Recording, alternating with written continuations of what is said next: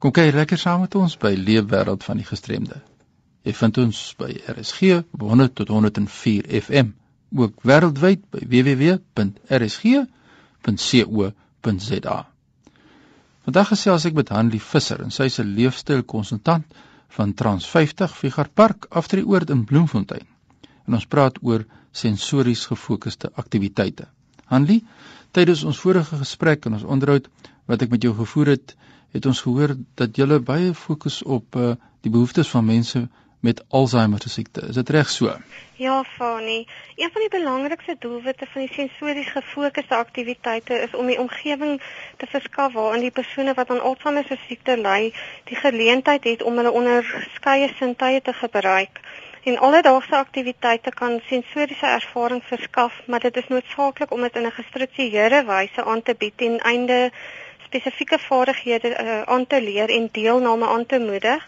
En met persone wat aan Alzheimer se siekte ly, probeer ons om herinneringe van die verlede aan te lig aan die lig te bring eerder as om te probeer om nuwe vaardighede aan te leer, maar ons het nodig om uit te vind wat se sensoriese uh, stelsel is die voorkeur vir elke inwoner en probeer om daardie stelsel meer te inkorporeer in daardie spesifieke persoon se daaglikse aktiwiteite. Byvoorbeeld indien hulle hou daarvan om in 'n stoel te wieg, kan dit beteken dat hulle van beweging hou en voordeel sal trek uit om in 'n wiegstoel te sit, maar dit kan ook beteken dat hulle angstig is. En dit is belangrik dat ons hulle die geleentheid moet bied om hul omgewing te verken en hul bewus te laat raak van die dinge buite hulle self. Nou wat is hierdie multisensoriese leer of stimulasie dan nou? Fanie, sensoriese aktiwiteite is nie verspot of laf nie. Dit is die manier om te speel en die gebruik van die sintuie wat as hulle besig is kan lei tot stimulering en dink en leer en die verhoging van die geheue. Plesier gee betekenis en dit maak 'n verskil. As jy lag en gelukkig is, leer jy meer. Herhaling is ook baie belangrik om die brein se verbindings in werking te hou. Ons dra almal ons la, uh, tas van sintuie met ons saam en ons maak derentyd daarvan gebruik. Byvoorbeeld as jy na my kyk, tensy jy visuele inkorting het, het jy 6 is daar ses areas van die brein wat al die werking saam doen om te kan sien. Jy gebruik ook jou ore want jy kan my stem en ander geluide hoor. Die klanke kom deur die oor en gaan na die brein, na die thalamus, soos wat soos 'n telefoonsentrale is en van daar af sal die klanke gaan na die deel van die brein wat die denke doen. As ek sê hallo, dan sal die groot deel van die brein die insette stuur na die thalamus, maar vir sommige mense gaan die klank in die ore na die thalamus, die sensoriese beheersentrum van die brein, maar word nie gestuur na die dinkdeel van die brein nie. So wanneer jy met 'n inwoner met demensie werk, is die doel om die inligting in staat te stel om te gaan na die dinkdeel van die brein en ons doen dit deur stimulering van die sintuie om leer te verseker en multisensories beteken egter om hulle te help om al al hulle sintuie te kan gebruik. Nou is daar Sint wat meer belangrik is, uh, wat is die belangrikste? Van die die belangrikste waarop ons fokus is matas, reuk, smaak, sig en gehoor. Nou, vertel ons hoe werk hierdie sintuie nou in julle stimulasieposes? Van die sintuie stuur boodskappe na die brein deur middel van 'n gespesialiseerde reseptore wat uh, reageer deur die boodskap te verander in elektriese impulse wat die brein ontvang en gebruik soos nodig. Die thalamus is die hoofkoördineerder um, vir al die sensoriese stelsels behalwe vir reuk wat direk gaan na die frontale deel van die brein wat te doen het met emosies.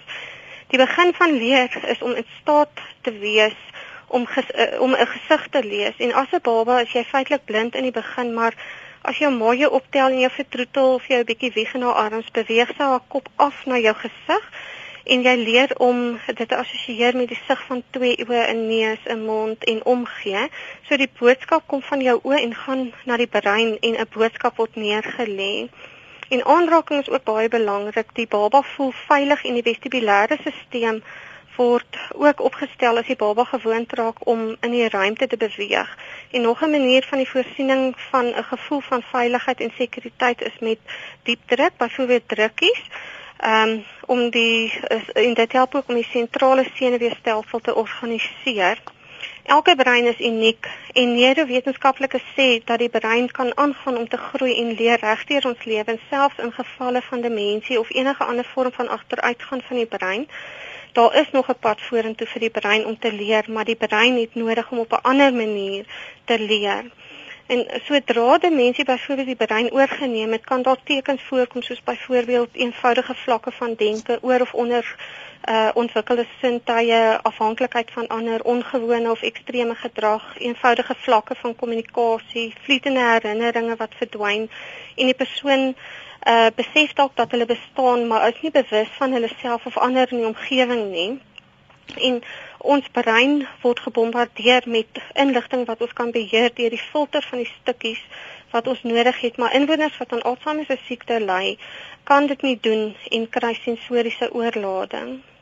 Zan die Visser, leefstyd konsultant wat so lekker met ons gesels, hy's van Trans 50 Vigar Park aftree oor daar in Bloemfontein en soos jy hoor, gaan ons nou gesels oor die inwoners en ons wil dan ook weet wat doen julle aan hierdie inwoners, geleentheid wat julle vir hulle bied en wat kan hulle doen en dis meer. Fanie visie is ons grootste mede-koördineringssintuig. Alles wat ons aan dink is gekoördineer deur visie. Ons sien die wêreld rondom ons en leer uit dit en die brein is lief vir lig en donker beweging, dit wil sê kontras en met geen visie is 'n groot inperking om te leer want ons kan nie sien waar ons uh waar ons is in die wêreld en ons moet gebruik maak van tas en klank. En dit maak dit moeilik om die herinneringe te stimuleer van voorheen gesien dinge. Aanraking of tas is dan nou die tweede belangrike sensasie en ons hele liggaam is bedek met vel wat miljoene kontakreseptore het wat die aanrakingssyne na die brein stuur. En ons benodig aanraking om te floreer om en emosionele groei te ervaar en die brein stoor al die uh, inligting totdat dit benodig word en in persone wat aan Alzheimer se siekte ly, is daar 'n probleem met berging. En daarom is dit uh, moet ons baie herhaal wanneer ons hulle sensories stimuleer om hulle te help om te onthou. Gehoor word ook gekoppel aan die vestibulêre stelsel want dit is naby die oor en mense hoor die geluidsensasies en gee aandag aan sekere klanke en ons leer om klanke te lokaliseer en neem waar en verstaan ehm um, klanke. Reuk en smaak is baie nou verbonde en selfs al is dit laaste op die lys, is dit baie belangrik veral in aftreeorde. Byvoorbeeld, jy sien uit na die middagete en die reuk van middagete vertel ons wat kom. Ehm um, die ander belangrike ding van reuk is dat dit gekoppel is aan jou herinneringe. Baie van jou herinneringe kan herroep word deur gebruik van die reuksintuig. Ehm um, jy kan byvoorbeeld roet gebruik om die vrouens mee te stimuleer om hulle herinneringe aan mans te gee.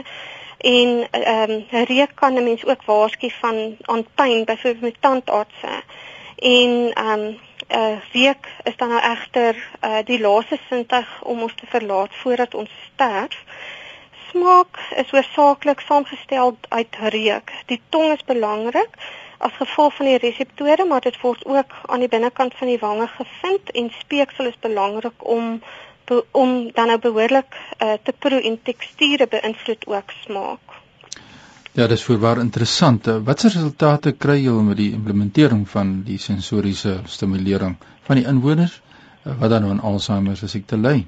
Van die uh, gebalanseerde program bied 'n afname in die las van versorging en tevredenheid van die personeel omdat hulle weet wat om te doen en hulle kan die verbetering waarneem en dit sit ook baie betekenis in die lewe van die persone wat aan Alzheimer se siekte ly. Ja, dit was nou regtig waar baie interessante gesprek oor hierdie sensories gefokusde aktiwiteite wat julle daar doen. Ek dink baie mense wil nou weet waar kry hulle vir julle aan die hande en vir Hanlie Visser in die hande. Geef ons die kontakbesonderhede. Fanny, my telefoonnommer by die oord is 051 522 6811. Herhaal vir ons net weer. 051 522 6811. Hanlie, wat maak dit vir die moeite werd om deel te wees van daardie inisiatief met mense met Alzheimer se siekte? Fanny, ehm um, dit is 'n werklike voorreg om met hulle te kan werk en dit gee my ongelooflike uh, bevrediging om te sien hoe hulle verander as hulle gestimuleer word en hoe hulle ook daardie aktiwiteite geniet en ehm um, as mens sien hoe hulle vorder in in die stimulering wat 'n mens vir hulle aanbied en en dis lekker dat hulle dit kan geniet en ehm um, wanneer hulle dit geniet, wil mens altyd iets nuuts uitdink om hulle met 'n volgende ding te kan stimuleer. So ehm um, jy bly altyd aan die dink om met nuwe aktiwiteite vorendag te kom. Mag gee dit weer vir ons die kontakbesonderhede en veral die telefoonnommer deur. 051 522 6811. Nou ja, dit is die kontakbesonderhede van Hanlie Visser, 'n leefstyl konsultant van Trans 50 Vigard Park aftree oor daar in Bloemfontein. Hanlie, dit was regtig lekker om jou te gesels. Baie sterkte daar vir julle hoor. Ag baie dankie Fani. Nou ja, indien jy enige navrae of voorstelle in hierdie program het, kan jy sommer nou 'n e-pos aan my stuur by fani.dt by mweb.co.za. En onthou, hierdie program word op Woensdaeoggende om 3:15 herhaal. Natuurlik kan jy ook die inligting van die webtuiste van RSG bekom. Tot volgende week. Groetens uit Kaapstad.